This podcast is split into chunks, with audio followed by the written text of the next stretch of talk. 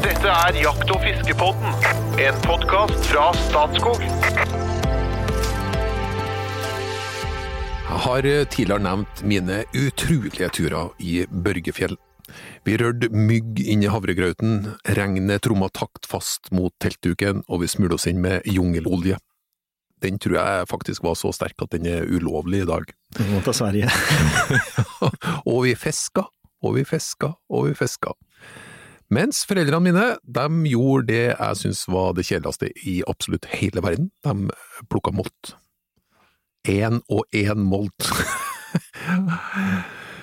Min barndoms Børgefjell har satt varige spor til meg, og etter hvert som jeg har blitt voksen, så har jeg skjønt at det var foreldrene mine som gjennom dere der greide å gjøre turlivet så lystbetont for meg. Og det er også grunnlaget for dagens episode. Hvordan kan man få ungene hekta på jakt? Og dem som skal gjøre det, er blant annet en belest praktiker med seks frysere, en enorm maskinpark på diesel og en jaktinteresse av de sjeldne. Hjertelig velkommen, fagsjef i Statskog, Jo Inge Bresjeberget. Hallo, hallo. Takk for det. Diesel. Kjøre diesel. Går, går i diesel. og ikke minst så har vi med han som er i stand til å tegne de vakreste verbale bilder, og som flommer over av inspirasjon og fortellerlyst. Livskunstneren som spiller bluesgitar langs livets landevei. Informasjonssjef i Norges Jeger og Fisk, Espen Farstad, hjertelig velkommen. Tusen takk. Du, jeg må bare skyte inn der, for at det, jeg hører du forteller om den der, du smurte den med jungelolja. Ja. Nå leste jeg nylig en undersøkelse som viser at det, det er jo, den er jo full av DEET, dit, som vi sier, ikke sant. Det var jo, og det på et nivå som er veldig farlig, og det kunne medføre varige skader. De har dokumentert at barn som har blitt smurt inn med dette i barndommen, eh, får dårlig musikksmak. Det leser jeg. Var du klar over det? Det er vitenskapelig dokumentert, Ja, ja, ja. faktisk. Ja. Han, han er litt seig òg, vet du. Så at, eh, jo mer de gnudde på, jo verre ble det. Og spesielt oppe i Trøndelag. Ja, det er en kollega da, eh, som, eh, som ja, i likhet med meg var på Sørlandet på teltferie og hadde utrolig gode minner fra barndommen. Spesielt når ungene hadde lagt seg, teltet var satt opp, ungene hadde lagt seg inn i teltet, så for faren rundt og sprøyta sånn eh, insektmiddel. Ja. DDT. Og det lukta av DDT! Det var helt fantastisk! Det skapte så gode minner! Så, ja ja, nei men det, det ble en litt annen start på den den der oppbyggende podkasten enn planlagt her nå, men ja, Alltid fra DDT til DD1. Ja, ja, ja. Ja, ja. Du, jeg vet jo dere Dere har hatt veldig ulike introduksjoner til jakt. Mm. Eh, vi, skal, vi, vi skal starte med, med deg. Jeg tror du falt eh, først oppi den eh, store, store gryta, Jo Inge. Mm, ja. Hvordan, hvordan starta det hele til deg? Nesten begynte det, liksom. Ja. Hvordan endte du opp sånn? Ja, så kunne det bli slik. Det var et bra utgangspunkt, og så ble det slik. Liksom. Nei, det jeg, jeg, ja, jeg skal starte med det. Det var jo det var for det første helt naturlig, da. Det likte jeg. I min oppvekst så var det helt naturlig. Og, Far og mor jakta. Ikke mor, men far jakter, og alle onkler og bestefar og sånn, hele slekta jakter. Så det, det var liksom helt naturlig at vi gutta skulle begynne med det. Det var jo guttegreie. Og, og nabogutta er jo vokst opp på et byggefelt. Alle gutta fikk jo hagle eller refle. Stort sett var det hagler til konfirmasjon, ikke sant? og alle var i gang og tok jegerprøve så fort de kunne. De var 14 og, og begynte å jakte. Og, og vi lærte av hverandre. Og så var det, det var liksom alle drev på med. Vi drev med, skuting i tillegg. Så det liksom var Mm. skutebanemiljø. Det var jo fryktelig stort i Solør når jeg vokste opp. Så, så liksom hele byggefeltet så drev fedrene og drev skaut, og de, langt de fleste av dem jakta i tillegg. Så da hele slekta mi drev på med det. Så, så liksom jeg er fra ubrøt i rekke, og da det liksom bare å gå bakover i tid, og så har vi drevet med jakt alle sammen, da, i en eller annen fasong. Så det var liksom Det var egentlig aldri stilt spørsmålstegn herfor det ble slik. Men så var- det var egentlig bare en Det var helt naturlig, det var sånn det skulle være. Ja, det var det. Og så var det kanskje mangel på andre ting òg, da. Altså, det var jo ikke så mye andre ting som konkurrerte med det her. Det var sånn Gikk på ski og, og sikle, og så var det skutinga, og, så, og jakt og fiske, da. Og det, det var ikke så mange andre ting som konkurrerte om oppmerksomheten den gangen, da når jeg vokste opp. Men- Og du har drevet ganske mye med skyting. Ja, jeg har jo det. Hvor, hvor mye drev du? Med konkurranse og så videre, var det ikke? Jeg var konkurranseskytter, ja. Så det var eh, Når jeg drev aktivt, så ja, startet på 80-tallet, da, så, så fra vi begynte liksom å lære oss skuta til vi var i gang, så skjøt jeg stevner hver helg, og så trente jeg hver dag. Ja. så jeg tok i bæsja hver eneste dag, men det var mye tærtrening, og så skjøt ofte to treninger i uka, altså tærtrening de andre dagene, da. Hver eneste dag. Mm. Ja. Tok din far med deg på jakt? Eh, Ja, eh, far og bestefar. For det var jo det var litt generasjonsgreie, så du lærte av de eldre. Så at, eh, og da var det, når jeg begynte å jakte elg, så var det fortsatt den gamle generasjonen. Altså mine besteforeldre og alle de som var jevnaldrende med han, òg var med på jakta ennå. Altså det gamle respekterte da. Mm, mm. Og du lærte av dem, på godt og vondt. Nå har vi heldigvis jegerprøve i dag, da, men det, for det var på godt og vondt. Det var jo ikke alt det de lærte bort som jeg ville lært bort i dag. Nei, nei. Mm. Men, eh, men det var det også, var det, skulle du være med dem på post, da, og lære til dem. Ikke sant? Lære å sitte stille, og, så vi trente på å sitte stille, liksom. Så det var elgjakta som var din introduksjon til Ja, elgjakt og herrejakt og skogsfugljakt. Hvor liksom gammel var du da når du ble med? Jeg begynte ved da jeg var Jeg var med første uka i Bresjberget, jeg var seks. Ja. Hele uka. Da hadde, vi hadde pottisferie da, på, når jeg begynte på barneskolen, så kalte de det pottisferie, da unga var med å plukket pottiser, eller vi dro på elgjakt. Ok. Og det sammenfalt da med 5. oktober, når vi starta elgjakta. Så det var ei uke, så da er jeg med, da, ser jeg det. Så seks, seks år, da Ja, Jeg var seks. Ok, var det, var det vanlig at eh, så små unger fikk, fikk lov til å være med? Ja, for det, vi var jo vi var en hel skog med unger som var med, Ja. faktisk, i det elglaget. Vi var et stort elglag, vi var 20 mann eh, faste på laget, så det var et stort elglag. Og så alle vi slyngla i tillegg. Så vi var liksom bare ekstrahjelp, da, var med på det. Og da, de fleste eh, der da hadde jo unger som var på alderen min, eller litt eldre, da. Som da òg var med fra de var omtrent på den alderen, begynte på skolen. Mm. Han var, i bunnen- han var egentlig sjanseløs, han. Ja, Ja, ja, ja, det er liksom bare, var bare én vei ut av dette, og det var å bli jeger. Ja, med. Men jeg tenkte jeg skulle spørre om det var over hodet noen mottaker, men det tror jeg kanskje ikke at det, at det var. Nei. Jeg, jeg, jeg tror det gled fint. Din natur passa godt inn i det der. Ja, det gjorde det, og det var slik eh, Jeg vet ikke, vi så opp til Det var jo da med Vi har jo pratet om det tidligere, at eh, du lærte av eldre eh, hjem, eldre gutter, for eksempel, da, altså, som du lekte med. Og Litt slik var det der, og det var noen eldre gutter som var med på laget, og så så du opp til da, onkler og, og besteforeldre, og, som, og du lærte av dem, da. Og det, det var ikke mye mottakerne. Ikke, Men husker du hva du fikk lov til å gjøre? Altså, når, Å, ja. når du var seks år, så satt du på post. eh, ja. men Husker du mer på Ja, jeg, vi satt på post, og, vi, og det var Bestemoren var ganske tydelig på at du skulle sitte stille. Ja, Men Vi satt jo og spikke og, og gjorde slike ting som unge gjør i dag òg, men, men vi ble fryktelig fort regnet som en del av laget. Så at, eh, Selv om de var en liten tass og spirer vi på snærvalp, så var det slik dere skulle være med og trekke ut en elg, for eksempel. Ja, da skulle unga være med, så var vi med på det. Mm. Og trakk like mye som de andre. Og det, det var liksom respektert, og vi var med og drog der. Og flådde elgen. Det, ja, det var, eh, så da var det liksom å lære av de andre. Hesten du skulle føre kniven, og ikke minst da med hygiene og lære at du ikke skal ha blod på slakt og alt det der. Og det, det, du fikk jo vite det, da, hvordan mm. det skulle skje. Og det var eh, Ja, det Jeg ser egentlig bare tilbake med, med glede, da. Men eh, du lærte det av den eldre generasjonen, og Mm. tok etter, da, det de gjorde.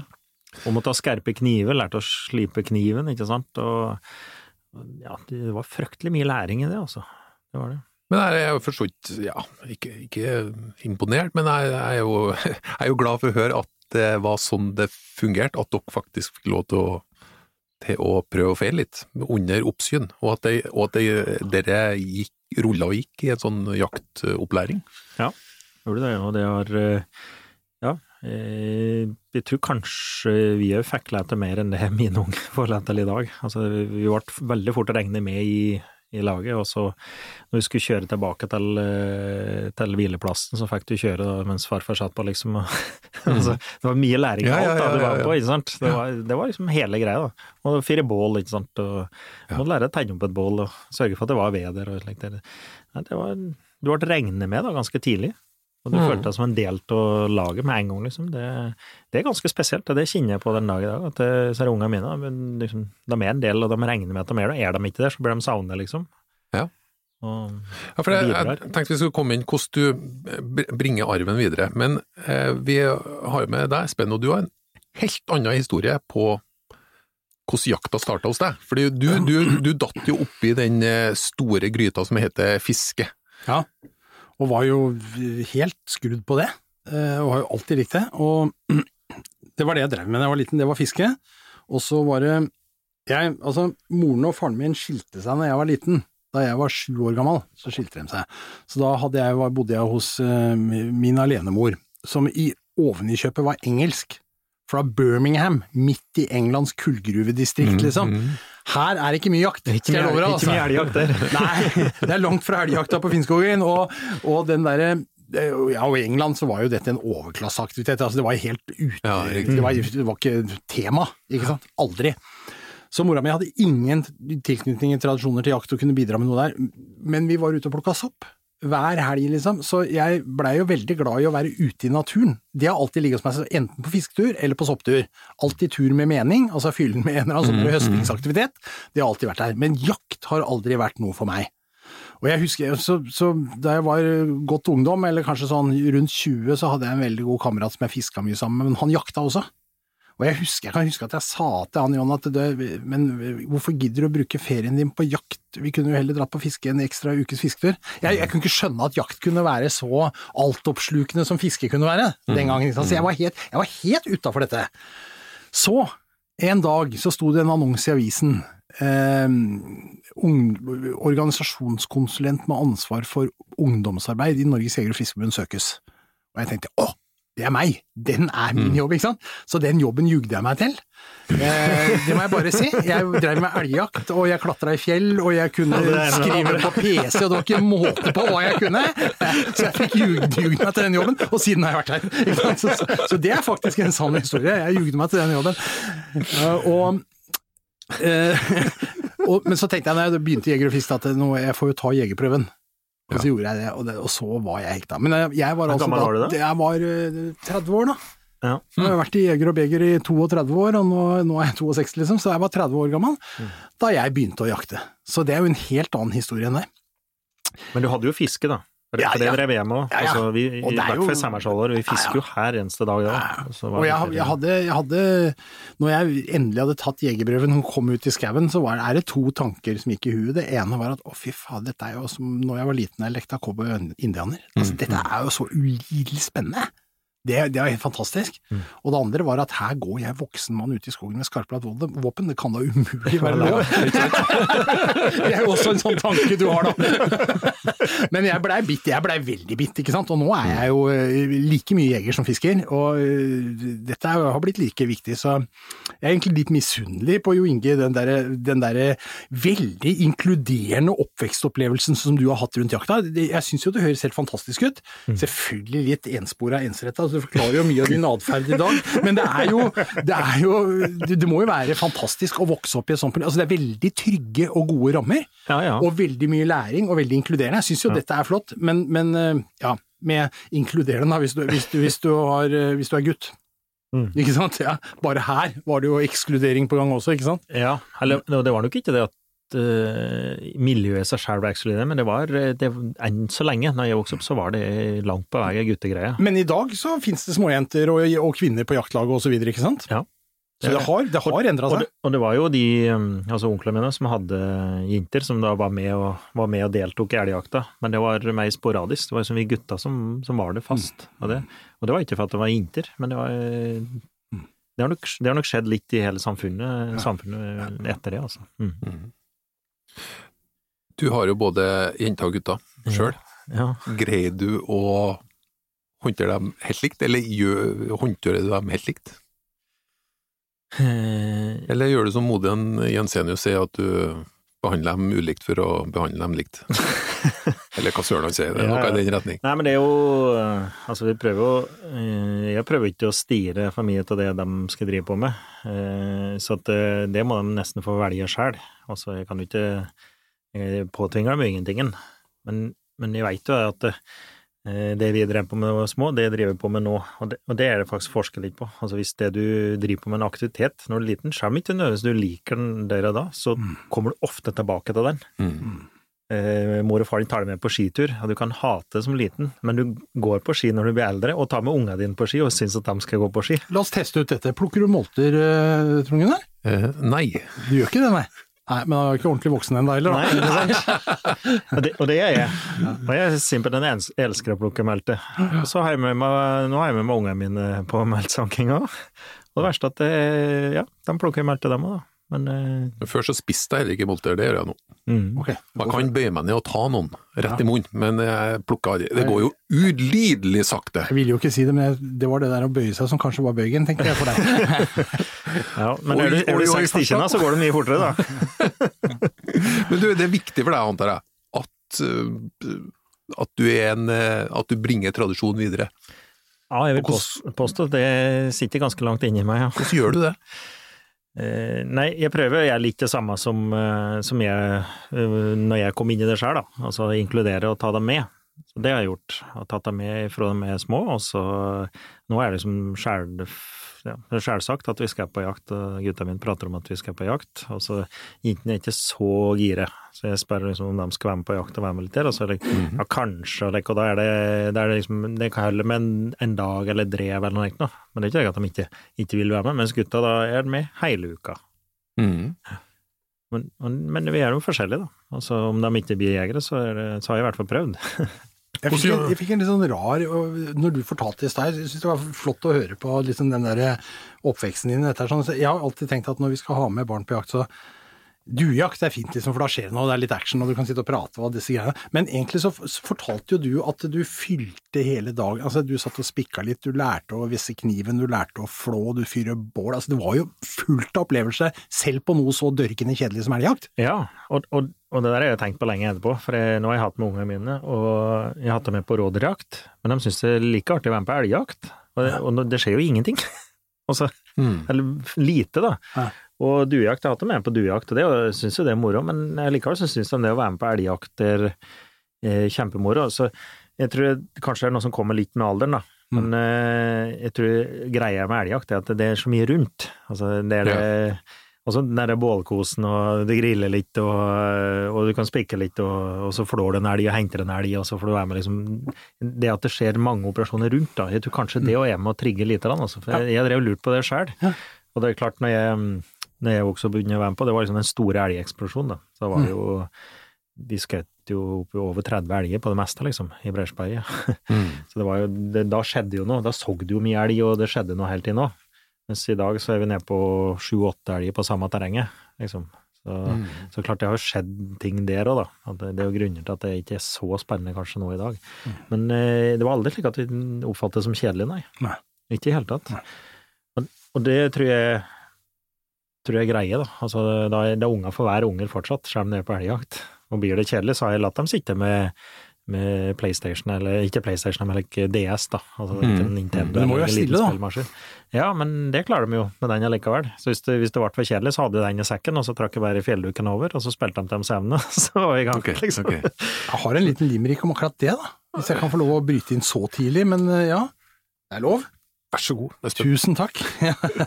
ja, for det, det der med å være stille, det er litt vanskelig. Og det kan jo ødelegge en egentlig verdifull jakt, hvis det, går for langt. Det kan Ja. Så det, det handler om det, da. En, en seksårig snørrvalp fra Barmen fikk være med på hjortejakt på Farmen, men han hosta og nøys så jakta ble bare tøys. Nå er han knebla, så blir det slutt på den larmen. first thing first. Nei, jeg, jeg, jeg lurer jo faktisk litt på om det var noen jaktformer som var mer egnet enn andre jaktformer. Ja. Vi, vi, har, vi har jo snakka litt om fiske tidligere, og hva, hva som kan egne seg der. Men jeg, jeg hører egentlig på tilnærmingsmåten din at uh, svaret er ikke nødvendigvis det jeg trodde det skulle være. Kanskje, kanskje for eksempel på elgjakt, uh, lagsjakt på elg. Mm. Kanskje på tvers av generasjoner, det er flere, så, og det er mange ritualer inni det. Det er flere faser i jakta og sånn. Kanskje det å være en del av det kollektivet er like viktig som det å ha en uh, ja, mer, hva skal jeg si, mer actionfylt rådyrjakt. Ja, eh, det kan Nå har jeg ikke så stor erfaring ut fra andre, eh, Jeg har ikke drevet mye med det, men eh, ut ifra slik jeg ser det, da, så, så, virker det som at det trigger litt. Altså det at de får De blir ansett liksom til å være en del i flokken, og du er, du er en del i et fellesskap og får ta del i alle de tinga. Og får anseelser for det og gjør en jobb. Det, så guttene mine er jo kjempeflinke til å flå, for eksempel. Mm. De flår jo bedre enn mange av de gamle hubba. Og det er slik dere, Du får respekt, da. Når det står en liten valp der og så står og så flår, så gjør du en kjempebra jobb, ikke sant. Det er slik dere og ja, at de, de, er en del av fellesskapet. Jeg, tror, jeg skal ikke undervurdere det, altså. Du hadde vel en historie om det òg, hadde du ikke? At ene, ene gutten din hadde observert og flåen hva, hva, hva, Ja, det var Brede. Da var han, han var vel seks, kanskje. Seks eller sju. Han sto der og flår en elg, og så hadde vi en på laget som ikke var så nøye med hygienen. da. Så at, jeg er ganske neie på at du ikke biter neva. Og at du ikke tar blod eh, når du holder i frambeinet, og så driver flår ned frambeinet, så er det fryktelig fort å bite neva, så der i beinet med en blodete neve. Og med hår og blod på. Og så gjorde han der det, da. Han tok på den der mens han drev og flådde inn her, ikke sant, så bitte neva, og så så Brede på den, og da var han seks-sju år gammel. Dette hadde ikke pappa likt, sånn. og så gubba som sto rundt jeg holdt på å deie, vet du. Da lo jeg så lå helt og jeg. Men du, du, altså her, nå, nå akkurat det der, du er jo inne på noe, skjønner du, for at jeg tror kanskje vel så viktig som hva slags jaktform du tar med unga på, er at dette er på en måte forbildets lidenskap. Altså når pappa er glad i å være på elgjakt, ja, ja, da ja. blir man også Altså jeg jo, er jo som kjent en ivrig støkkjeger på skogsfugl, går alene gjennom skauen, og han yngste min som um, enarvingen, han som er blitt jeger, da, han, um, han gikk, har gått i hæla mine siden han var bitte liten og har gått bak meg, og har bare gått bak meg, og da går du jo hele dagen gjennom skauen, og det er liksom tre skuddsjanser på en dag. Dette mm. syns han er det mest spennende i hele verden, fordi mm. han er vokst opp med det, og det er det pappa liker best, ikke sant. Mm. Så jeg tror noe forbildet her er nok veldig, veldig sterkt, altså, i en mm. sånn, eh, sånn, greie. Ja, og, eh, og, det er ikke nødvendigvis slik at det må skje noe hele tiden, Nei. det har jeg oppdaget. Det, men det er liksom å slik på elgjakt så, så, behøver det ikke skje noe heller, da. Så det er noe med å kunne avslutte. At uh, de kan sitte og spikke eller uh, sitte og spille litt, eller eventuelt i verste fall gå i bilen, da. Hvis det er uh, dårlig vær noe, så kan de gå i bilen til det drevet over, hvis det skulle bli blankt og kjett og kaldt. Og men men duejakt har, har, jo noen elementer som er bra, da. Det skjer det mye, de kan hjelpe til å speide, de blir en del av jakta selv om de ikke skyter. Ikke sant? Ja, henter dem, ja. Kverker dem. Ja. Sol. Og så er det sol og fint vær, ikke minst. Det, har, han der yngste, min Bendik, han, han, har vært med på mye duejakt, så han har lært seg det. Så han løper ut på jordet og, og tar disse duene og knekker eh, huet på dem. Da, liksom, Hvis de ikke er helt skutt, så er han ute og, og gjør den jobben. Ja. Dette hadde han jo helt i finga. Og det slo jo riktig ille ut der, for han var på klassetur med klassen sin oppe i skauen med en lærer, da, og, og sånn, og så hadde han glemt pølsene hjemme. Og så sier han til han læreren at eh, kan jeg, kan jeg ta en av de endene, liksom? Som ja, ja, sier han litt sånn eplekjekk, liksom. Og du vet, de var jo Han gikk jo altså rett og slett bort og lokka til seg en sånn and, vet du. Og sugde tak i noe, vrei huet på han før han læreren fikk sett hva som skjedde. Dette lå liksom i blodet.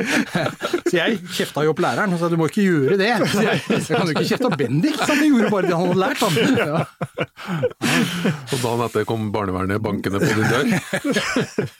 Nei, eh, Når skal ungene få lov til å få sitt eget våpen, da? Ja, det er um jeg må jo svare politisk korrekt, da, for det er jo Det kan være lurt, dette går på lufta. Det er, visse, det er jo visse regler på det, da. Og det er, eh, de, var ikke, de reglene var ikke så tydelige når jeg vokste opp, men eh, de er veldig tydelige i dag. Mm. Så det er, ved, det er liksom opplæringsjakt vi prater om, og du skal ha jegerprøve, da er du fra du er 14 da, på, okay. på småviltjakt. Ja. Men du kan godt være med på skytebanen før det, og få lov til å prøve deg å skyte med hagle, eller kanskje Du begynner jo gjerne med en 22, ikke sant, en salong uten rekyl, det å liksom lære seg å behandle våpen og alt sånt, og det å lære det tidlig må jo være bare bra, ja, tenker jeg. Det må man få i dåpsgave. Ja. ja, ja, dåpsgave, ja. ja, for det tenkte jeg, salongrifle, det er liksom det er skikkelig artig og veldig lite skremmende, og, og faktisk et jaktvåpen. Ja, og det skal behandles med respekt, ikke sant. Og det, du, man begynner jo med luftgevær. Det er jo der det begynner, man skyter liksom hjemme på gården, og det er jo gøy. Og så, på et eller annet punkt så blir det litt kjedelig og så får man lov til å skyte med 22. Og da, og da snakker vi jaktvåpen, ja, nemlig. Da er vi liksom inne i de kretser, og da er det alvor. Det er en hel verden. Vi må nesten ha en episode om eh, for det er så moro. Jo, men her kan, når du spør om alder på ungene, så er det, dette, her kan man jo begynne tidlig. Altså å lære dem våpenhåndtering. Du kan ikke slippe dem løs med en salong, det er ikke det jeg sier. Men å, å lage en ordentlig bane der hvor det er egnet for det, og skyte noen skudd og, og, passe på å lære, det mener jeg man kan gjøre tidlig med barn. Det er ingen fare. Og det å lære seg eh, Det er jo mange som reagerer negativt, intuitivt på dette med våpen og barn. Mm. Og det syns jeg ikke vi skal, for dette er verktøy og barn. Det er det vi snakker om her. Kniv, øks, fiskestang og våpen. Det er på en måte i samme kategori. Og så er det selvfølgelig alvorlighetsgrader i hvordan du skal behandle dette her sånn, men jeg syns vi skal ha det verktøyperspektivet på det, og da skal ungene lære Skal de bli en del av dette, så må de også lære seg å bruke verktøyet. Mm.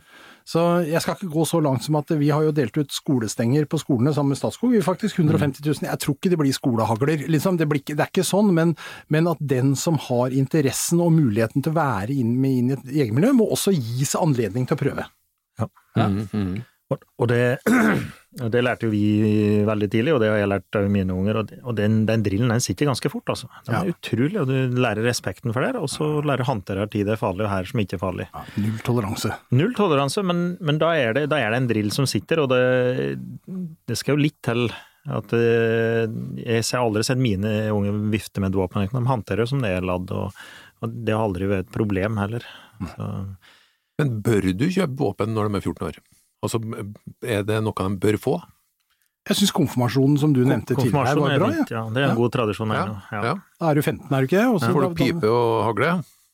Ja, I Trøndelag så er det mulig at det er pipe, men i normale siviliserte strøk så klarer vi oss med hagle. Ja, ja jeg mener det. Ja. Og skutt med salgrefle kan du begynne tidlig, da. Altså Jentene mine og guttene mine de har skutt med salong før de begynte på skolen. Det er ikke mm. noe altså fem-seks år, helt uproblematisk. Jeg aner meg at det er en ganske stor forskjell på å låne et våpen og det å faktisk at det er ditt eget. At det gjør noe med interessen din òg, eller at det kan ha effekt på det. Ja, det, det jeg driver og fisker litt etter her nå. Ja. Eh, du får ikke lov å eie våpen eh, når du er for ung heller, vet du. Det er jo veldig strengt. Men 14?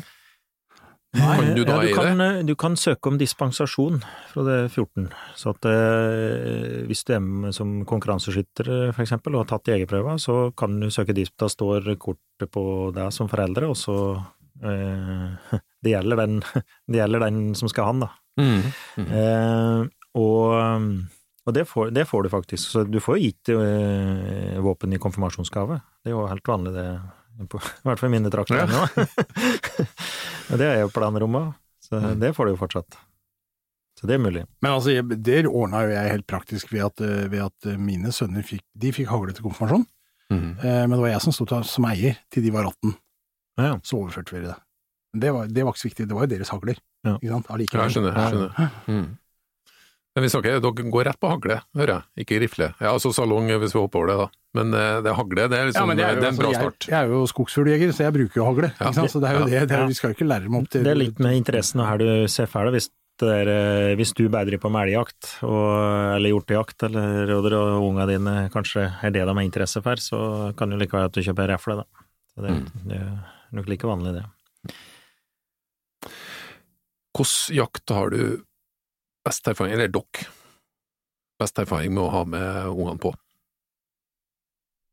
Hva har fenga mest, hva har gitt de beste opplevelsene? Ja, øh, jeg, har ikke, jeg, har ikke, noen dårlige opplevelser med å ha dem med på jakt, øh, så det blir egentlig alt det jeg drev på med, da, og hatt dem med på.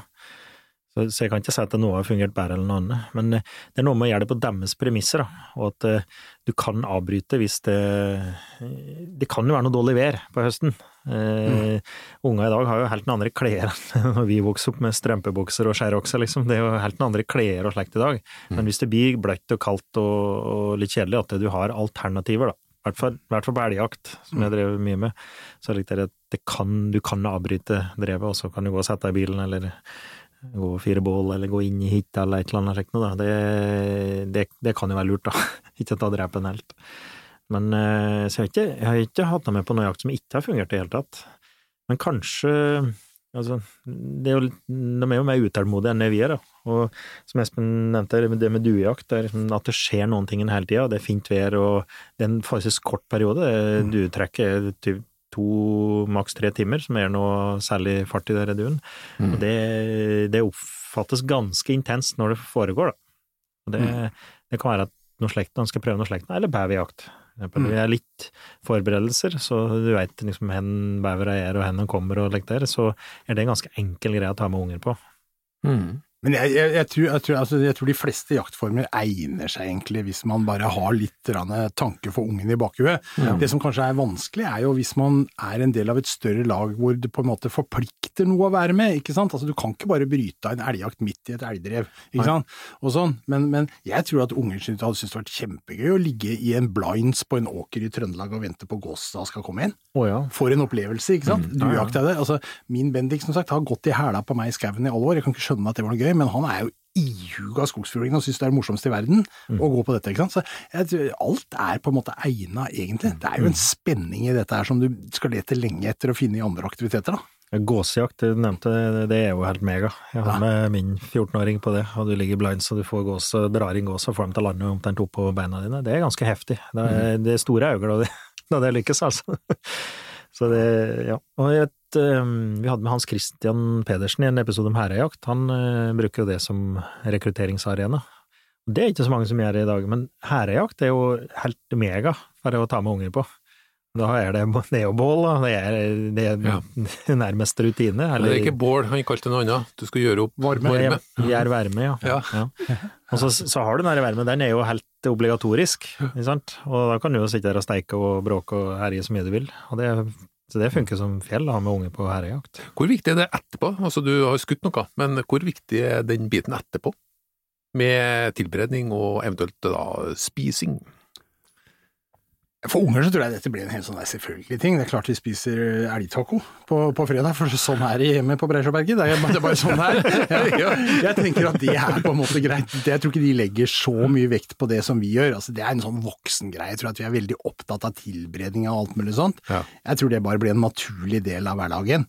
Men på et eller annet punkt så tar hun det opp igjen, skjønner du, i livet, på samme som du sa. Du har sådd dette lille frøet, og det kommer igjen seinere. Så jeg ser i hvert fall på mine unger nå at de er veldig opptatt av den der matbiten oppi der, sånn, men de var jo ikke det når de var små. Mm. Nei, var Men du, men du lærer dem at de skal ikke bare vippe ut brøstet på en fjærhane? ja, altså og, og liksom litt den der respekten for altså, Ja, vi, vi, Jeg har jo spunnet et mytenett av enorme dimensjoner rundt gammaltiuren og Bendik. Ikke sant? Altså, så han han, han veit jo hva han driver med! Altså Når han feller en gammaltiur, så da snakker Da skal vi du høre det. Nå snakker vi høytidsstund, altså. Ja, da skal du høre så, det. Så vi har jo bygd opp, ikke sant. Ja, og liksom respekten for liv og alt som er. Altså, jeg tror at dette det er jo en utrolig flott skole i å, å være en del av naturen. Ja.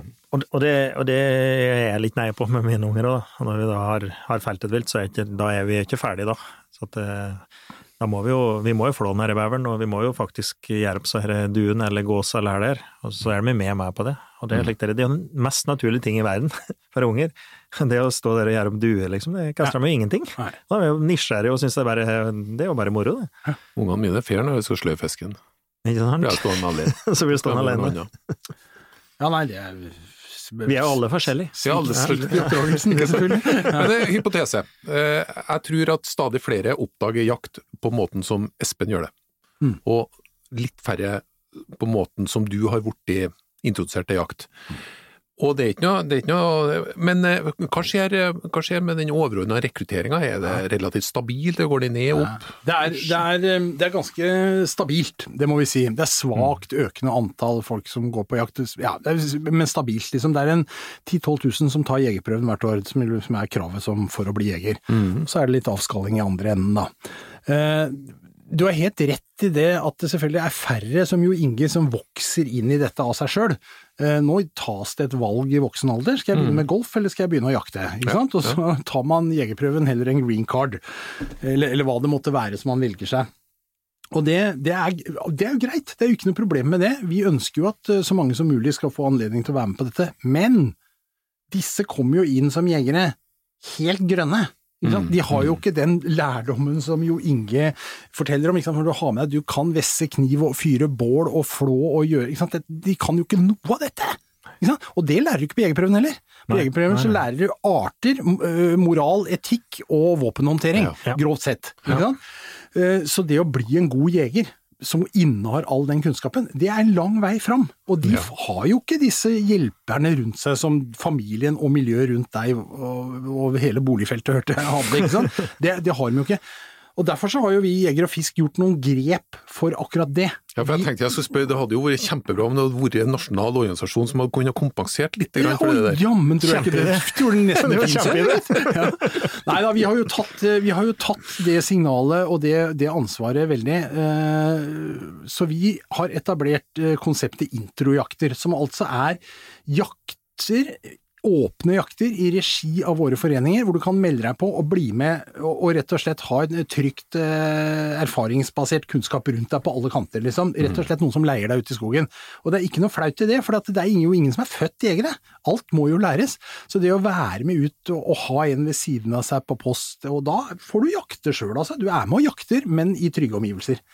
Vi har over 600 sånne introjakter å tilby i år over hele landet, så det er bare å gå inn på hjemmesida vår, klikke seg inn på njff.no eh, og se den aktivitetskalenderen der, så finner du en introjakt for deg. Og det, jeg kan bare si deg, dette er ikke noe sånn der eh, tredjeklasses eh, jaktopplevelser. Altså her er liksom foreningene syns dette er en spennende oppgave, og leverer altså hjortejakter og villreinjakt, rypejakter, gåsejakt av høy klasse. og- Ja. Og, og du trenger ikke være 14 år for å melde deg på her. Det er ikke poenget. Du kan godt være en voksen person. Kan godt være, for den saks skyld kan du være en etablert jeger som har lyst til å prøve en ny jaktform også. Da er du også velkommen på introjakt.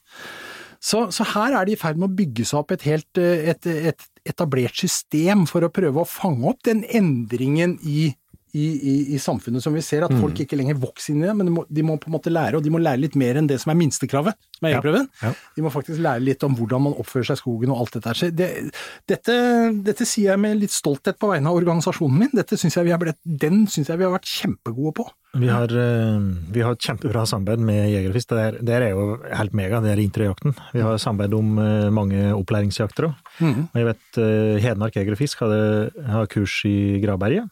Ja. Og der har de da hyret inn en eh, kokk, som, eller han er ikke kokk, han er, i løpet av er slakter, kjøttskjærer. Så de tar en av de elgene de skitter på kurset, Mm. eller en av hengene, som de skjærer ned. Så kurset får være med å skjære ned. Mm. Og bare, bare få den eh, fra en proff, Mm. og lære seg å se på alle deler og se det, det er utrolig læring, ikke sant? Ja. Og, det, det, du har ikke sjans til å ta det på et jegerprøvekurs. Det, det går jo ikke, det. Nei. De går jo stort sett på våren her, så Mm. det kurset. Nei, men Nå var det så positiv stemning at nå tror jeg rett og slett vi skal gå ned for landing. og så skal vi selvfølgelig ha en liten hot or not til slutt. Det blir veldig ubehagelig i dag. Eh, men først et par oppfordringer. Spre gjerne ordet om eh, Jakt- og fiskebåten. Det er flere titalls i Norge som fortsatt ikke har hørt om oss. Det er jo helt utrolig, Ja, det er det faktisk, men eh, men det fins. det fins fortsatt. Vi tar også gjerne imot anmeldelser på Apple Podkast. Klar for hot or not? Ja. Jo Inge, Mhm. du skal få lov til å svare først. Og det er fordi at jeg ønsker å være litt snill med Espen denne gangen. Ok, Ja. nå er jeg spent. Men det skal gå fortere, altså. Ja, ja. Landbasert fiskeoppdrett, hot or not? Hot. Hot. Skogsbilvei, hot or not? Hot. Not. Det norske oljefondet, hot or not? Hot. Kjempehot.